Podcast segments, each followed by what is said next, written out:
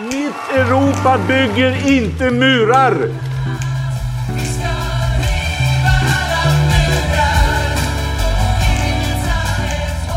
Syftet med de åtgärder som vi nu presenterar är att skapa ett andrum för svenskt flyktingmottagande. Mycket av det som regeringen sa igår ställer ju oss vi positiva till och vi tror också att en del av det kan dämpa trycket.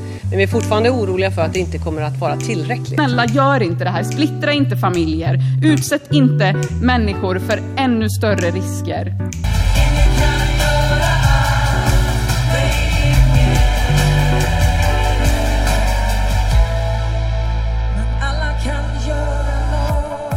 Hej och varmt välkomna till Människor och migration. Podden som handlar om migration och om de människor som rör sig över gränser. Jag som pratar nu, jag heter Maja Dahl och jag är kommunikationsansvarig här på Arena Idé som ger ut den här podcasten. Idag så ska vi prata om flyktingsmuggling. Förra veckan blev det bekräftat att de tre personer som jobbat med eh, SVT-dokumentären Fosterland kommer att åtalas för just flyktingsmuggling. Efter att de i dokumentärserien hjälpt en 15-årig pojke att ta sig till Sverige för att söka asyl. För att få asyl i ett EU-land måste du ju först ta dig in i själva landet. Det går inte att söka asyl i ett EU-land utanför EU. Samtidigt så är det omöjligt för människor som söker skydd att få visum för att resa in i ett EU-land. Och transportörsansvaret hindrar människor från att resa in via flyg, buss eller båtbolag. Och det här tvingar ju människor som vill söka skydd i EU att eh, hitta andra vägar att ta sig in. Flyktingsmugglare är ju någonting som man pratat om som å ena sidan som personer som utnyttjar människor i extremt utsatta till, eh, tillstånd och å andra sidan som den enda vägen in. Men hur ser egentligen flyktingsmugglingen till EU ut? Vad är det som gäller? Är det tillåtet att hjälpa en skyddssökande människa över gränsen? Ja, det här ska vi prata om idag. Med mig för att reda ut alla frågor kring de här har jag då som vanligt Arena Idés utredningschef, statsvetaren Lisa Pelling. Hej! Hej! Och asylrättsadvokaten Ignacio Vita. Hej hej! Hej! Gud vad trevligt det är att stå alla här tillsammans i studion igen. Vi har ju haft en paus här i en månad eftersom jag var i USA och följde valet på plats. Eh, och jag vet att det är väldigt många där ute som är väldigt oroliga efter valresultatet eh, och efter den valrörelse som var också. Men jag skulle ändå vilja skicka med en liten ljusglimt och en en del som, som jag upptäckte, eller som man liksom får reda på när man är där, men som kanske inte riktigt når här till Sverige. Och som har med migrationsfrågor att göra. Och det är att det finns delar av valresultatet som ändå är positivt. Och det är bland annat att sheriffen Joe Arpaio, som tidigare var sheriff i Arizona, förlorade sin plats i valet. Eh, och för er då som inte har vrålkoll på vem Joe Arpaio är, så har han då varit en av de mest högljudda rösterna för hårdare tag mot papperslösa i USA. Och han har kritiserats hårt för att använda rasprofilering och omänskliga straffmetoder. Bland annat så har han återinfört någonting som kallas chain gangs, alltså att du kedjar ihop människor som alltså får gå på led eh, ihopkedjade och utföra sysslor. Det är även han som har eh, instiftat tältfängelset Tent City som har funnits då i Arizona. Eh, och det är alltså ett tältfängelse eh, där människor som ja, får upp till ett års fängelse kan sättas. Och då är alltså människor som ah, åker dit för rattfylla eller våld i hemmet eller narkotikainnehav. Och då får eh, alltså, bo i tält. Stora, stora tält eh, som de eh, bor flera, flera människor i. Eh, och det här har ju då bland annat inneburit att de dagar då det är väldigt varmt i Arizona så har det ju kunnat bli extremt varmt i det här fängelset. Så det har varit liksom omänskliga omständigheter. Så att han har kritiserats inte bara då från MR-organisationer utan även från eh, justitiedepartementet. Eh, och från USAs då, så district courts. Men nu har han efter 23 år som sheriff inte blivit omvald. Så det får vi se som en liten ljusglimt ändå när det kommer till, till det amerikanska valet. Härligt Maja att det finns någon ljusglimt åtminstone, annars är det bara deppiga nyheter från eh, USA, inte minst när det gäller migrationsfrågorna. Ja, eh, verkligen. Sen har det ju också kommit fram att Joe Arpaio är ett namn som kanske kommer komma in i Trumps administration. Men vi, vi låtsas som att den nyheten inte fanns. Vi, kan, vi fokuserar nu på att han inte längre jobbar i Arizona. Tycker jag. Men över till dagens ämne och vi ska ju då alltså prata om människosmuggling. Eh, om vi börjar med det mest grundläggande vi har en asylrätt som innebär att människor tar sig, som tar sig in i ett land har rätt att söka asyl där. Varför behövs då flyktingsmugglare, Lisa? Ja, det var det som du sa inledningsvis, detta eh, paradoxala i att flyktingrätten aktiveras, eller rätten att söka asyl aktiveras först när du har korsat en gräns den, den eh, folkrätten som handlar om att ge människor eh, så att säga, rättigheter när man söker skydd, när man söker asyl, eh, handlar ju om, om flera saker. Det handlar dels om att man inte ska straffas för att man har korsat en gräns. När man springer över gränsen mitt i natten och har förföljarna så att säga efter sig så ska man inte straffas för att man korsar den gränsen olagligt eller utan tillstånd. Man ska när man kommer på andra sidan gränsen få hjälp, tak över huvudet, mat. Man, den stat som tar emot den har skyldighet att se till att man inte fryser ihjäl eller svälter ihjäl. Och den stat som tar emot har en skyldighet att se till att man inte skickas tillbaka, det som kallas non-refoulement. Men det finns ingen rätt i flyktingkonventionen som reglerar eh, att du så att säga har rätt att få skydd när du ännu inte har korsat territoriet. Där finns det andra delar i det globala skyddssystemet. Till exempel så har ju FN ett system med eh, UNHCR som eh, kan sätta upp läger för flyktingar. Det finns eh, regler om vidarebosättning som handlar om att människor som har tagit sig över gränsen in i ett annat land, fått skydd där men som behöver få skydd lite längre bort, att de kan få hjälp av, av FN då, av eh, FNs flyktingkommissarie att få, få leva i ett, i ett annat land. Men, men det finns alltså ingen, eh, så att säga, rätt att ta sig in i, i landet. Du kan inte som migrant straffas om det är så att du har rätt till asyl. Men du har inte heller rätt att ta hjälp av någon för att, för att ta dig dit. Då. Mm. Och det är ju det är också den här liksom kombinationen av att eh, Eh, du inte har möjlighet att söka visum som vi har tagit upp i tidigare program. Om det är visum är tänkt för tillfälliga besök. Och är det så att du har behov av skydd så anser man automatiskt att den typen av besök som du tänker göra i ett EU-land inte är tillfälligt, så då får du inte visum. I kombination med det som kallas transportörsansvaret, det vill säga att alla som transporterar personer över EUs yttre gränser har skyldighet att se till att människor har rätt att passera de här gränserna. Att man har ett medborgarskap som gör att man inte behöver visum, eller om man behöver visum, att man har ett visum. Har man inte det så kan det här transportörsbolaget, ett flygbolag eller ett färjebolag, råka ut för väldigt, väldigt höga böter. Så höga att bolagen inte vill riskera detta, även om det är så att de kan vara eh, ganska säkra på att personen i fråga kommer att få asyl. Mm. Det här har vi pratat om tidigare, att det, det, blir ju väldigt konstigt att se på liksom, asylrätten som någonting som du har rätt till, men samtidigt har du inte, ingen möjlighet egentligen tar in. Och där då kommer ju då människosmugglingen och flyktingsmugglingen in. Men vad kan man då säga liksom rent juridiskt om, om flyktingsmuggling? Vad är det egentligen? Måste man konkret liksom eh, Eh, köra någon? Eller räcker det med att jag kanske lånar ut mitt pass till någon eller ger information? Ignacio, var går gränsen rent juridiskt när man pratar om människosmuggling? Eh, människosmuggling regleras ju i utlänningslagen i två olika egentligen eh, paragrafer kan man säga. Eh, den ena handlar om, om människosmuggling och det andra handlar om organiserande av människosmuggling. Eh, och eh, om vi börjar först med människosmuggling som då finns det 20 kapitlet, 8 paragrafen i utlänningslagen så står det så att den som uppsåtligen hjälper en utlänning att olovligen komma in eller passera genom Sverige en annan EU-stat eller Island, Norge, Schweiz eller Liechtenstein döms då för människosmuggling då i fängelse i högst två år. Så att eh, vad det handlar om här är alltså att man aktivt hjälper en person att olovligen antingen då komma in i Sverige och uppehålla sig här eller passera eh, Sverige och åka vidare till, till något annat land. Sen finns det då organisering av människosmuggling och det handlar om den, den som i vinstsyfte planerar eller organiserar en verksamhet som är inriktad på att främja ut, att utlänningar reser till Sverige utan pass eller de tillstånd som krävs för inresa i Sverige. Då. Och då kan man dömas för organiserande av människosmuggling till fängelse också i högst två år. Mm. Så om jag då skulle låna ut mitt pass till någon eller skicka information om vilka flyktingvägar man kan ta, då skulle, skulle jag då hamna under den här organisering?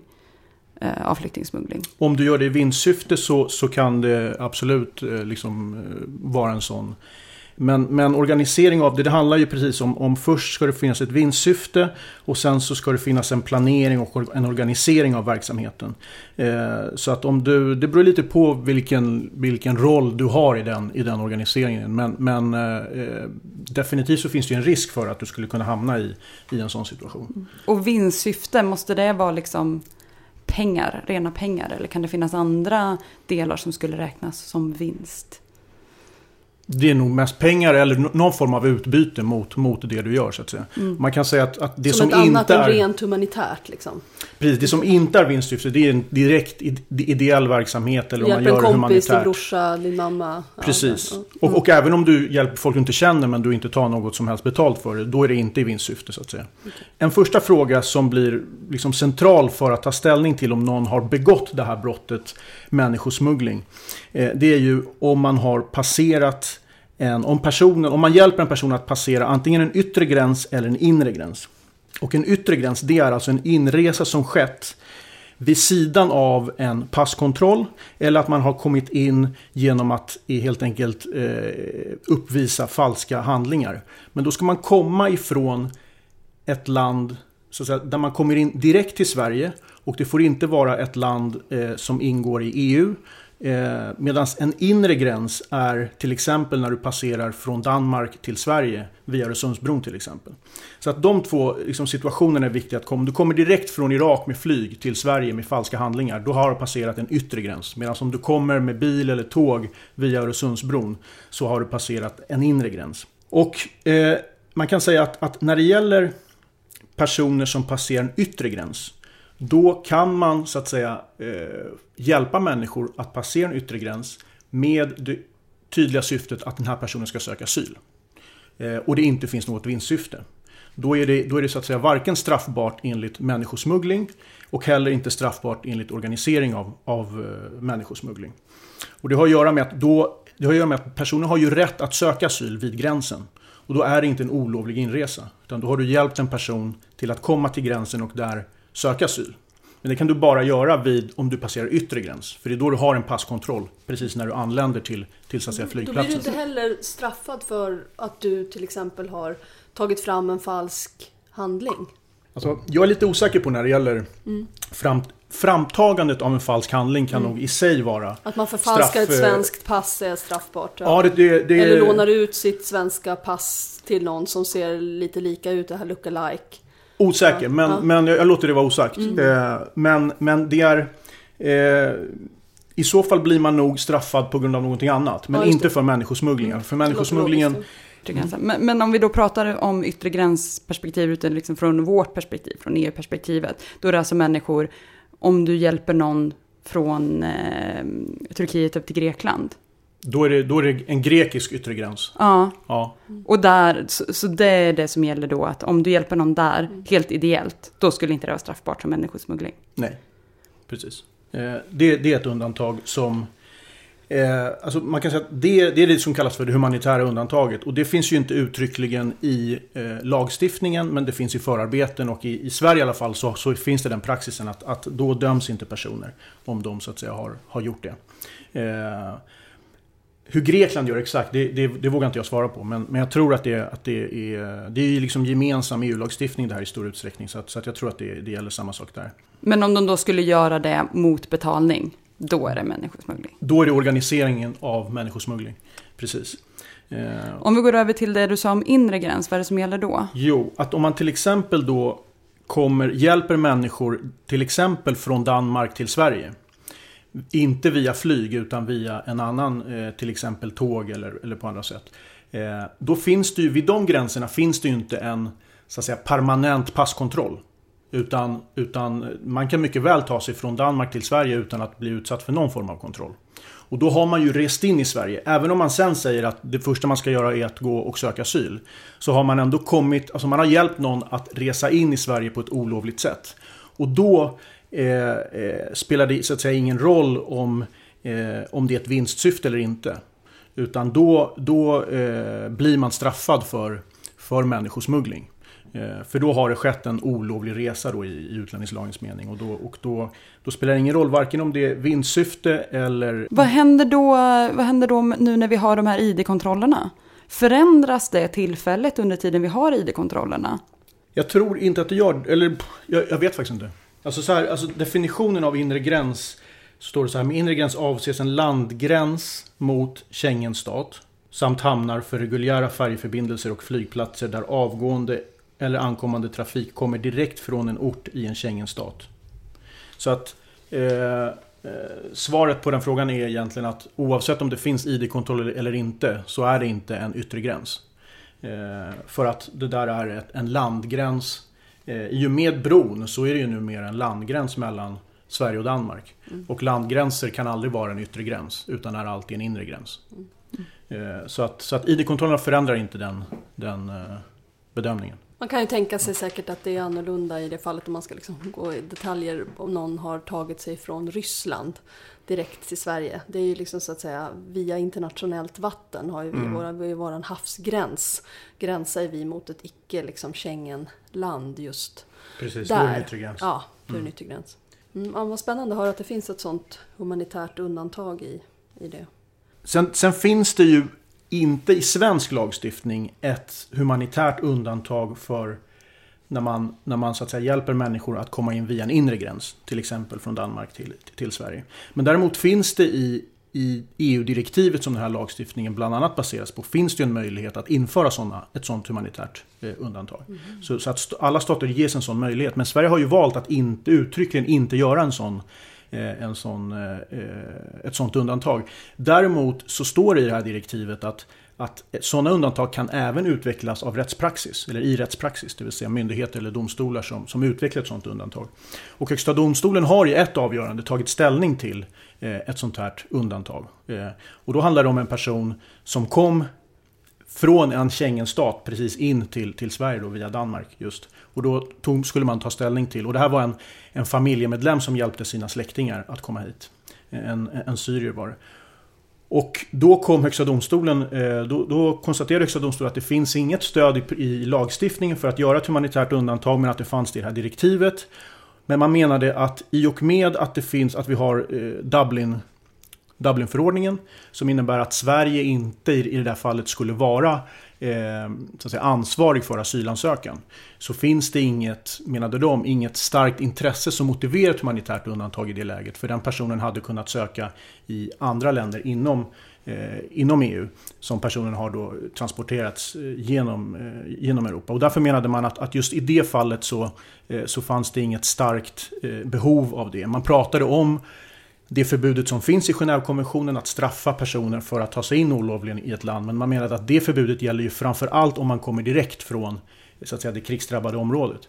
Eh, men de öppnade upp det för att i framtiden så skulle man ändå kunna tänka sig att man skulle kunna göra ett undantag i vissa specifika situationer. Och det som blir relevant blir ju om det till exempel minderåriga som ju enligt EU-domstolen eh, har, har klarlagt att att eh, barn ska prövas i det sista landet man kommer till och inte det första.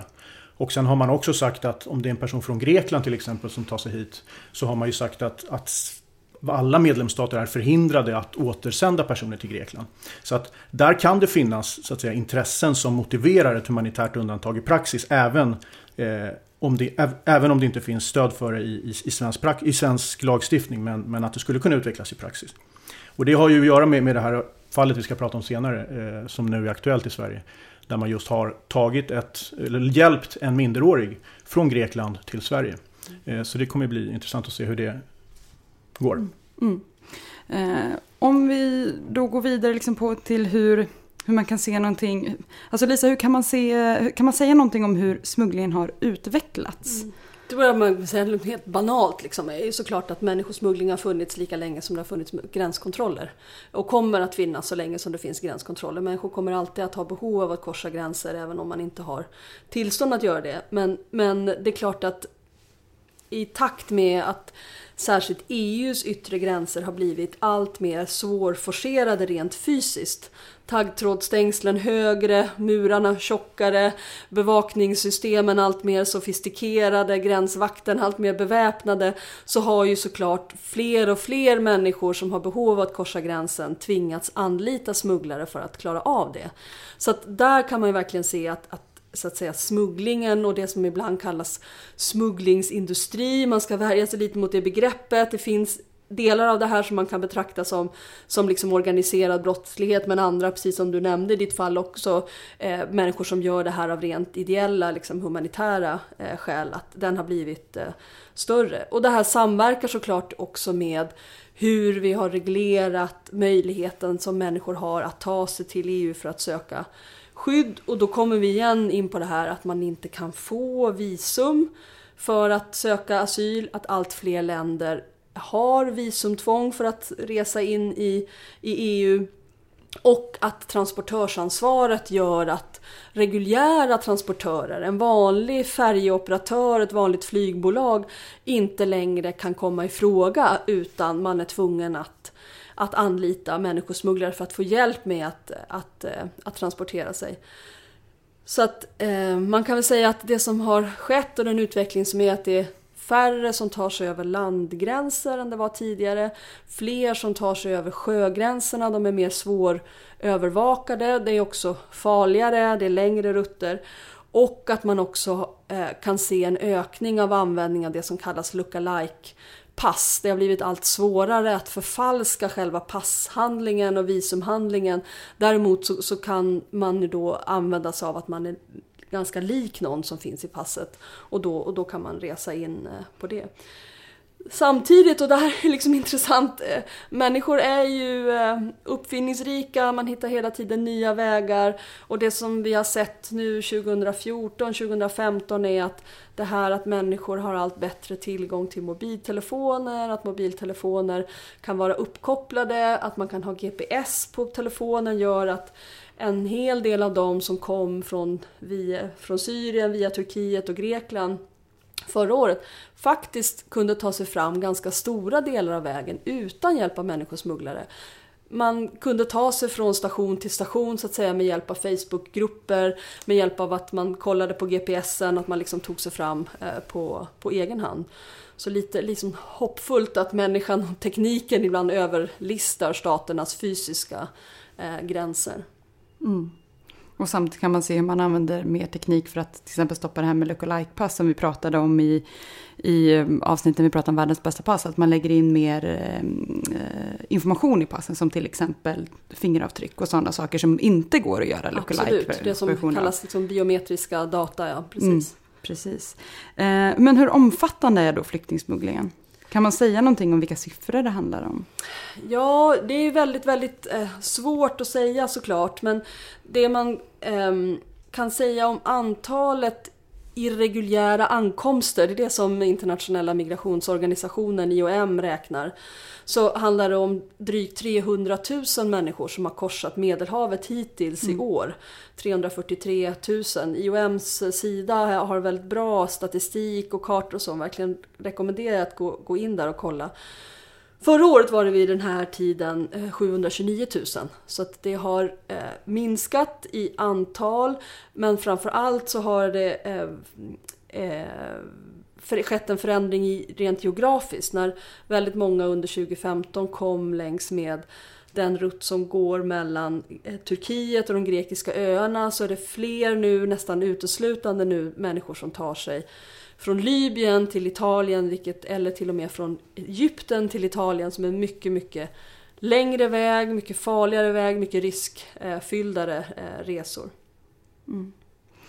Vad säger då svensk lagstiftning, Ignacio? Vi pratade, du pratade lite om lagstiftningen innan. Eh, men om vi tittar nu på svensk lagstiftning. Är det ett brott att hjälpa en asylsökande över till den svenska gränsen? Du var inne på det lite grann innan.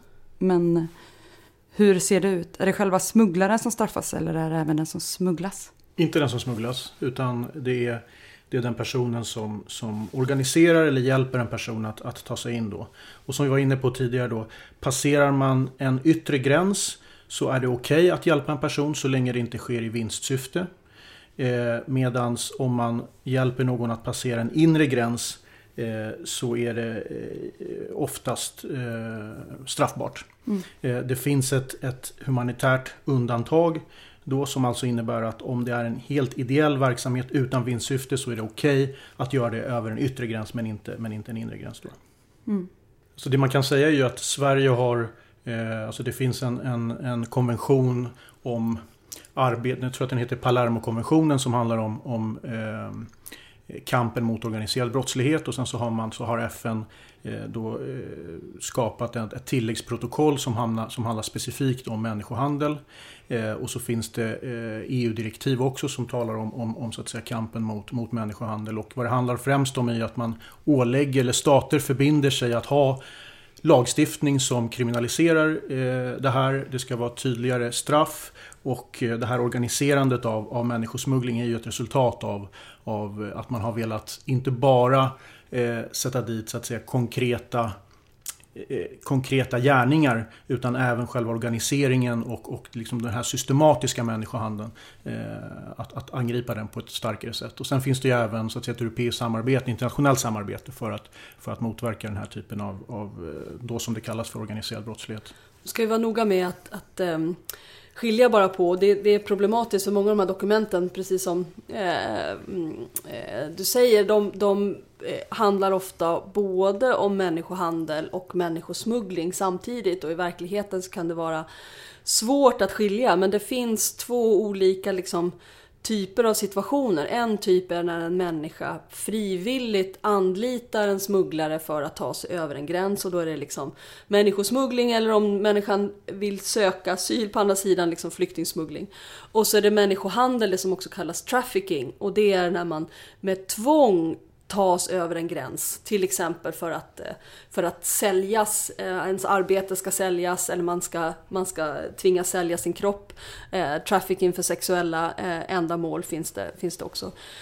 Men Precis som är fallet med människor som söker skydd och människor som tar sig över en gräns för att jobba, det vill säga att man har svårt att skilja mellan flyktingar och migranter, så är det ofta i praktiken så att människor kan ha anlitat en smugglare helt frivilligt under en del av vägen, till exempel för att ta sig över Sahara. När man väl är framme i Sahara så säger smugglaren Eh, jag vill att du betalar mer pengar för att ta dig över Medelhavet. Och då hamnar man i en tvångssituation. Väldigt vanligt att man hålls inlåst, fängslad av smugglaren för att utpressas på pengar för att sen liksom ta sig vidare. Och kan tvingas till tvångsarbete, prostitution och så. så att, eh, i realiteten så blandas de här två men i lagstiftningen så, så är det viktigt att man, eh, man skiljer dem åt. Mm. Eh, och nu pratar vi om de här flyktingsmugglarna där det kanske Eh, inte riktigt går rätt till. För många av dem som anlitar en flyktingsmugglare, många kommer till slut fram till ett land där de kan få skydd. Eh, men några kommer ju aldrig fram. Eh, Lisa, hur kan vi se flyktingsmugglarnas roll när det kommer till människor som dör längs vägen i till exempel sjödugliga båtar eller instängda i bilar? Mm. Alltså det viktigaste här är ju att påminna sig om att döden vid Europas gränser står i direkt relation till hur gränserna är utformade. Alltså om det är så att gränserna stänger ute människor som behöver skydd i Europa, människor som har får jobb i Europa som vi efterfrågar som arbetskraft, ja då kommer människor att försöka ta sig över de där gränserna. Ju mer befästa de är, ju högre murarna, ju högre taggtrådsstängslen, ju mer beväpnade vakten är, ja men desto svårare blir det också att ta över, desto mer liksom, dödsfall kommer att inträffa. Så man måste liksom, det första är att ha, ha klart det här för sig. Vi skapar den här situationen med en, en icke-fungerande, icke-funktionell liksom, migrationspolitik. Sen finns det grader i helvetet. Eh, eh, de här dödsolyckorna som sker på Medelhavet får en hel del uppmärksamhet. Det är trots allt andra båtar eh, på Medelhavet. Man, man lik flyter i land. Det kan mycket väl vara så att döden på det andra havet, det som är Sahara, är värre än döden på Medelhavet. Det är mycket svårare att färdas där. Människor som kör vilse i öknen kanske aldrig någonsin hittas. Eh, man, har in, man är inte på liksom radarn på ett annat sätt. Så att den, den smugglingen som är där kan vara mycket, mycket eh, värre. Eh, det som är tydligt i år är att trots att antalet människor som korsar Medelhavet har minskat rätt rejält så har dödsfallen ökat med 1000 personer. Förra året så registrerade IOM 3541 dödsfall mellan januari och november. Och hittills i år har man registrerat 4621, alltså en ökning med 1000 dödsfall. Eh, trots att det totala antalet irreguljära ankomster som man kallar det här då har halverats. Och det är en väldigt tydligt tecken på just detta att EUs avtal med Turkiet har gjort det eh, väldigt, väldigt svårt att korsa EUs yttre gräns vid Grekland. Och istället så korsar man då mellan Libyen eller till och med Egypten och Italien. Mm. Och det är mycket, mycket farligare. Det finns också en väldigt eh, problematisk dynamik där eh, sjöräddning på Medelhavet gör att flyktingsmugglarna inte längre bryr sig om att använda båtar som kan åka hela sträckan mellan Libyen och Italien. Tidigare handlade det om fiskebåtar. En, en anledning är att fiskebåtarna håller på att ta slut, en annan anledning är att de är mycket dyrare. Så flyktingsmugglarna använder sig numera i allt högre utsträckning av såna här gummibåtar. De är väldigt eh, eh, instabila, de kan eh, sjunka bara av att vatten kommer in från sidorna. De måste inte kapsejsa, liksom, eh, ramla i vattnet för att, för att de ska gå under utan det räcker med att stora vågor slår in över, över kanten. Och det gör man i liksom i en cyniskt spel med sjöräddningen. Man skickar ut de här gummibåtarna och så räknar man med att europeisk sjöräddning ibland enskilda organisationer ska möta på andra sidan eh, gränsen mot internationellt vatten och sen transportera människor till Italien. Och det här liksom dynamiken har gjort att en del säger att det är den europeiska sjöräddningen som har gjort färden över Medelhavet mer osäkra. Eh, och det, det, kan ligga någonting i det, men, men det cyniska liksom påpekande döljer ju grundläggande faktum, det, det vill säga att det är våran oförmåga att ge människor skydd och våran oförmåga att ha en vettig reglering av migrationen som gör att människor överhuvudtaget måste ta sig in till EU på det här sättet. Mm. Och nu har vi pratat en del om att, att ja, det är våra gränser som, som eh, eh gör att eh, flyktingsmuggling kan se ut som den gör. Att den måste se ut som den gör för att människor kommer behöva söka skydd. Men om man då tänker sig de här fallen som du nu lyfter, alltså eh, flyktingsmugglare som faktiskt riskerar andra människors liv. Vad kan vi liksom göra då mm, för att på något sätt hindra att de här allra värsta flyktingsmugglarna kan fortsätta på det sättet de gör? En väldigt viktig eh, sak är att eh, eh, intervjua människor som kommer fram. Och ofta är det som man, liksom, när man kommer fram till Italien så, så tillbringar man eh, en, en, några dagar i ett liksom, ankomstcenter och sen så eh, får man en möjlighet att, att bo eh, under en lite längre tid, kanske lite längre bort från kusten ibland i andra delar av Italien innan, eh, och, och, innan liksom, asylprocessen eh, drar igång när människor kommer fram så har de ofta historier att berätta om särskilt grymma människosmugglare, om nätverken och så. Den informationen tas alldeles för sällan tillvara och det, det måste man göra med respekt för de människor som kommer, deras integritet. Man får ju inte utsätta människor som söker skydd för ytterligare fara genom att tvinga av dem information till exempel som kan göra att deras eh, anhöriga till exempel i ursprungslandet utsätts för utpressning eller, eller fara. Så det, det, det är svårt men det är helt nödvändigt och man, man gör det alldeles för lite menar, menar åtminstone IOM. Att där skulle man kunna liksom göra mer, ta tillvara på den, de vittnesmålen. En annan del av det här, och det kan också verka lite cyniskt, men det är att identifiera dödsfallen.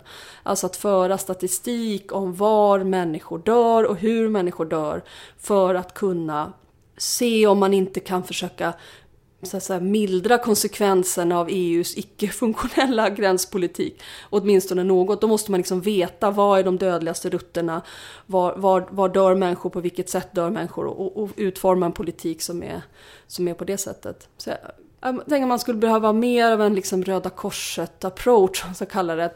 Röda Korset eh, hävdar ju inte att man kan stoppa krig. Men när krig väl byter ut så finns det liksom, försöker man upprätthålla någon form av humanitetens lagar i kriget. Eh, att sårade soldater ska få tas till sjukhus, att man ska få skicka brev från fronten till sina, till sina anhöriga.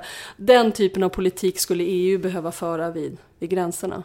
Mm. Sen är det ju så att, att alltså, så länge som vi har ett system där det inte går att söka asyl på ambassader och där kvotflyktingsystemet är så otroligt begränsat som det är. Så kommer ju människor att vilja ta sig över. Och de här, alltså vill man på riktigt motverka de här mest grövsta former av, av, av människosmuggling så är det uppenbart att man behöver ett system där människor antingen kan söka asyl vid ambassaden eller att man så att säga bygger ut kvotflyktingsystemet väldigt mycket mer än, än vad som är idag. För så länge som vi har krig och så länge som stater liksom förhindrar människor att söka asyl på ambassader och tar emot väldigt få inom ramen för kvotflyktingsystemet så kommer vi att ha väldigt grova fall av människosmuggling. Mm. Eh, och sen är det, det, är en väldigt, det är ett väldigt stort fokus på de här båtflyktingarna och liksom, eh, färden från Turkiet eller andra eh, länder till, till Grekland. Samtidigt är det ju så att det är en väldigt, det är en väldigt liten del av dem som faktiskt dör. Alltså de flesta överlever ju som faktiskt tar sig dit. Och den här överfokuseringen på dem tar ju bort fokus från all den människosmuggling som, som Lisa var inne på innan man kommer till Turkiet. Som ju, om, som ju liksom präglas av enorma kränkningar av mänskliga rättigheter. Frihetsberövanden, tortyr, dödande. Och den människosmugglingen verkar europeiska stater inte vara särskilt bekymrade om. I vart fall inte i relation till de som faktiskt tar sig till Europa. Mm. Eh, och och det, det blir liksom väldigt, väldigt problematiskt. Nu har vi sett indikationer på att även biståndspolitiken har fokuserar mer och mer på att länder inte ska eh, Alltså att, att det i, i biståndsdiskussionerna handlar om att man ger pengar för, till gränskontroll för att länder ska hindra människor från att eh, att eh, eh, ta sig vidare.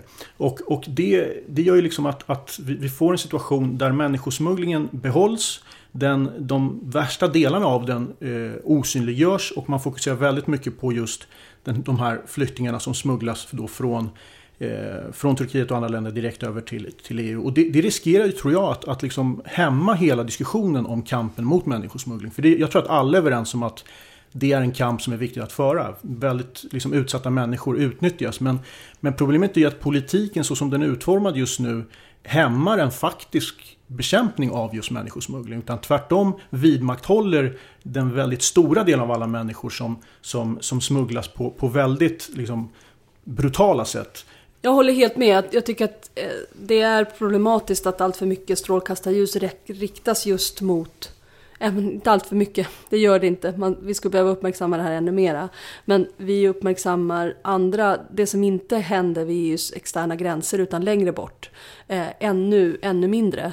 Och det rör till exempel Västafrika som tidigare var ett område i världen med fri rörlighet, en union av västafrikanska stater som har en passunion som till och med en del av de här eh, tidigare franska kolonierna i Västafrika har till och med en gemensam valuta. När EU externaliserar sin gränskontroll så har man befäst gränser även i den regionen, vilket har gjort att människor som tidigare kunde migrera för säsongsarbete till exempel till, till Senegal eller till Mali eller man kunde röra sig mellan Marocko och Mauretanien numera måste korsa gränser som har befästs av EU-medel. Vilket gör att, så att säga, smugglingen har, har, har tagit fast, eh, liksom, finns där också. Vi har spridit den här formen av liksom, organiserad smuggling till andra delar av, av världen.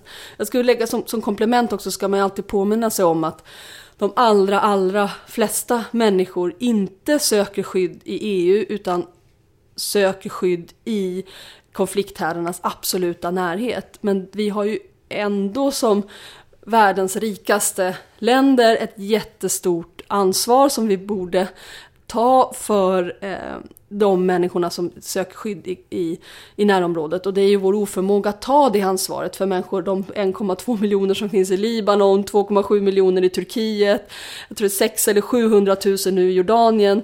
Vi har inte hjälpt de staterna att ta hand om de eh, eh, eh flyktingarna, vilket gör att de har dels känt sig tvingade många av dem att söka sig vidare till Europa. Dels att de här länderna nu har stängt sina gränser. Så att man behöver även nu för tiden hjälp att också smugglas ut ur helvetet i, i Syrien. Och de här förhållandena på de här flyktinglägren är ju en, en, kanske den viktigaste grogrunden för flyktingsmugglarna. För det är klart att, att, i många av dem, det finns ju ingen framtid för dem. Så att de flesta sitter ju antingen och, och väntar eller samlar pengar för att anlita en flyktingsmugglare. Eh, för det finns liksom ingen, ingen ljusning där. Och där finns det en enorm problem i väldigt många stater så att de inte ens betalar till UNHCR för att, att kunna vidmakthålla någon form av, av kvalitet på, på de här flyktinglägren. Mm. Eh, som jag då sa inledningsvis så blev det ju förra veckan offentligt att tre personer som jobbat med produktion av SVT dokumentärserie mm, Fosterland kommer att åtalas för flyktingsmuggling. Reporten eh, från, eh, från dokumentärserien, kameramannen och tolken. Vad är det egentligen som gäller i det här fallet? Kan vi liksom avslutningsvis berätta lite grann vad det var som hade hänt och vad, vad vi kan se nu framöver? Alltså, jag kan inte några detaljer i det här men som jag förstått det så har Eh, den, här, den här programledaren, eh, tolken och kameramannen. kameramannen har då träffat en, en 15-årig eh, pojke i Grekland och bestämt sig för att ta med honom till eh, Sverige. Eh, och man har så att säga transporterat eh, honom genom olika länder eh, och kommit in via Danmark. Men det, det, är jag inte helt säker på. Men som jag har förstått det så är det det som som har, har hänt. Och då har man ju då eh, så att säga hjälpt en person att ta sig in via en inre gräns. Eh, och när det är via en inre gräns så finns det alltså inget humanitärt undantag egentligen. I vart fall inte i svensk lagstiftning. Eh, och det är väl sannolikt därför som som, eh, det vill säga att man kan inte bara för att man har velat hjälpa personen även utan att ta ekonomisk ersättning eller någonting så finns det inget sånt undantag helt enkelt i svensk lagstiftning. Men eh, som jag var inne på tidigare så har Högsta domstolen i praxis ändå sagt att man skulle kunna tänka sig att, att ha undantag i vissa situationer. Men, men, eh, så det är väl därför som åklagaren har, har väckt åtal eh, för, att, för att man så att säga anser att, att det här är en, en, ett, ett, eh, en människosmuggling. Då. Och då blir frågan om, om, om det finns någon möjlighet för dem att, att, så att säga, inte bli dömda på grund av att, av ett, att i det här fallet, och till skillnad från det som jag pratade om tidigare, att det finns ett humanitärt undantag här. Och det som var avgörande i Högsta domstolens resonemang tidigare, det var ju att, att en person som tar med sig en person, till exempel via Danmark till Sverige, Eh, är inte lika skyddsvärd för att man kan lika gärna söka asyl i Danmark. Varför har de så att säga transporterat den här pojken hela vägen upp till Sverige? Och att det skulle kunna leda till att man inte tycker att det finns eh, något humanitärt inslag i det här som gör att man då skulle kunna undgå straffrättsligt ansvar för, för människosmuggling.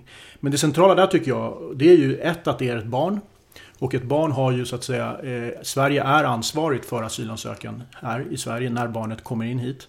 Två eh, personer i fråga kom från Grekland, vilket ju är ett land där både Europadomstolen och EU-domstolen har sagt att de har ett asylprövningssystem som är så pass undermåligt att ingen får skicka tillbaka någon till Grekland.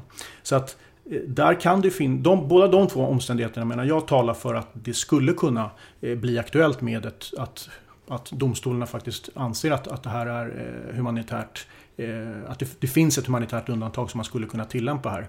Dessutom är det också så att vi har ju sett nu på grund av den flyktingsituation som har varit och Europas oförmåga att hantera den att det finns sådana enorma skillnader i asylprövningssystemen i Europa. Och att det, det, finns ett flertal länder som sannolikt inte upprätthåller de krav som krävs. Och då, då skulle man också kunna tänka sig att, att det går liksom inte att vila på Dublinförordningen i, i för hög utsträckning när den faktiskt är helt satt ur spel just nu. Eh, så det, jag tycker att det finns ändå omständigheter här som, som de som är åtalade kan, kan liksom åberopa och, och argumentera kring för att det faktiskt bör införas ett humanitärt undantag i just den här situationen. Och det humanitära undantaget skulle då baseras på det här EU-direktivet som ju ger medlemsstater och domstolar rätt att i vissa, i vissa situationer tillämpa ett humanitärt undantag även för människosmuggling då i, över inre gräns. Mm. Jag tänker, jag vet inte om ni har sett dokumentärserien och sett det här avsnittet när de tar beslutet att hjälpa, mm, det är hjälpa honom in. starkt ja. Ja, mm. det är ett oerhört starkt ögonblick mm. eh, när han vänder sig till dem och frågar om de inte kan ta med honom. Och de, där de, de också brottas med den här frågan. Men om vi inte hjälper honom, vilken, vilken väg tar han då? Och de vet att han mm. kommer ta en livsfarlig väg. Mm. Eh, och där bestämmer sig för att hjälpa. Mm. Eh, men det är intressant att höra att man kan använda då humanitära skäl. Och kameran går. Mm. Ja, kameran går. Vi kommer mm. länka till, eh, om jag hittar klippet så kommer jag länka till dig i Facebookgruppen. Så att ni som lyssnar på det här kommer kunna se vad det är vi har pratat om och vad, vilket ögonblick det är de bestämmer sig faktiskt för att hjälpa honom. Mm. Det här ska upp i rätten i januari som jag förstått det som. Mm. Så att vi får väl anledning att återkomma till vad det är för, eller vad som händer i det här fallet. Mm. För den internationella dagen till minnes av förintelsen. Ska detta upp. Ah.